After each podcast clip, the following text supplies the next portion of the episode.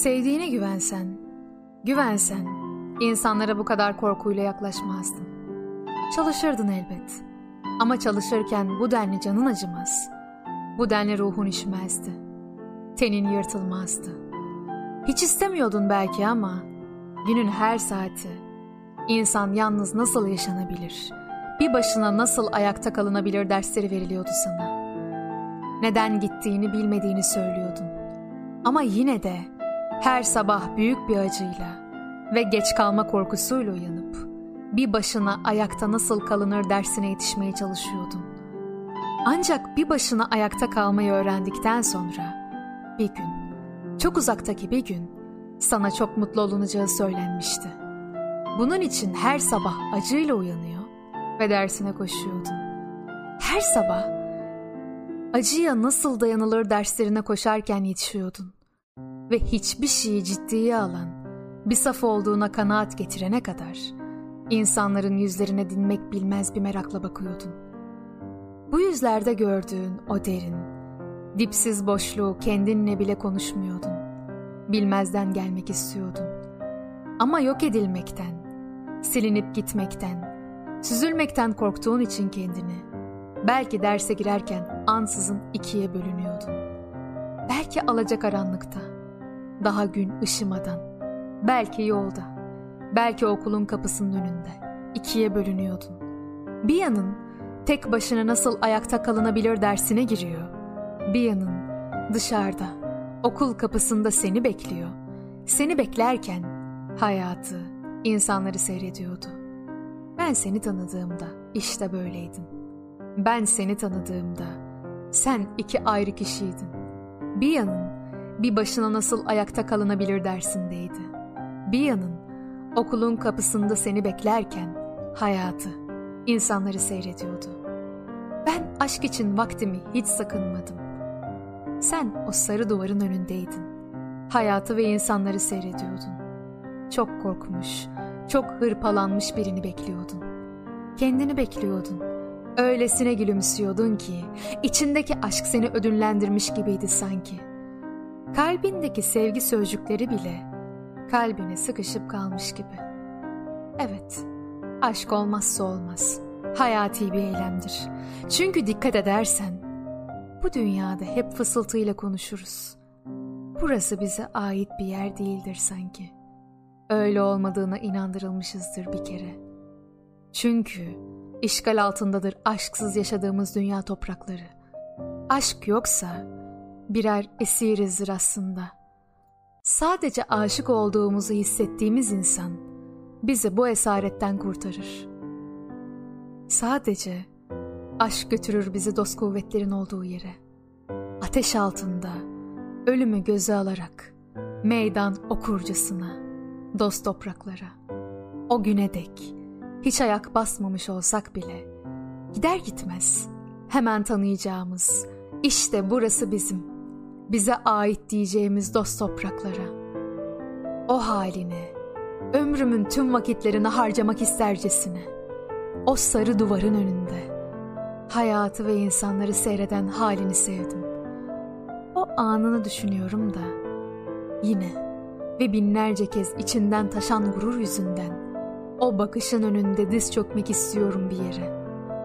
İnsan sadece aşk yüzünden yerlerde sürünürken, içi gururla dolup taşar. Öylesine bildiğin bir bakışmadır ki bu. İlk kez yaşıyor olsan bile, yıllardır içinde gezdirdiğini bildiğin için, susup o anın her gezini, her sırrını sessizce ve sevinçle yaşamak istersin. Yıllardır gördüğün o kutsal rüyana dokunmak gibidir. İnsan sadece aşık olduğunu hissettiği an, bu kutsal rüyasına dokunabilir.'' Kutsal da olsa sonuçta rüyadır bu. Bir başına ayakta nasıl kalınır dersinden çıkan bu yanın bu kutsal rüyayı bozar. Dağıtır, uyandırır beni bu rüyamda. Uyandığım yer, esir olduğum yerdir. Burasıdır. Dost topraklar rüyalarda kalmıştır. Çilekeş, umutsuz, kaybetmiş yaşlı kadınlar vardır oysa hayatımda.'' Ben kadınların, yaşlandıkça güzelleştiği ilk devrimcilik günlerinde öğrenmiştim. Evet, annem, teyzem, halam, komşu kadınlar bir anda yaşlandılar. Bir anda hastalandılar. Evet, onları aramakla yükümlüyüm, sormakla. Çünkü onlar ölüme yaklaştıkça güzelleşiyorlardı.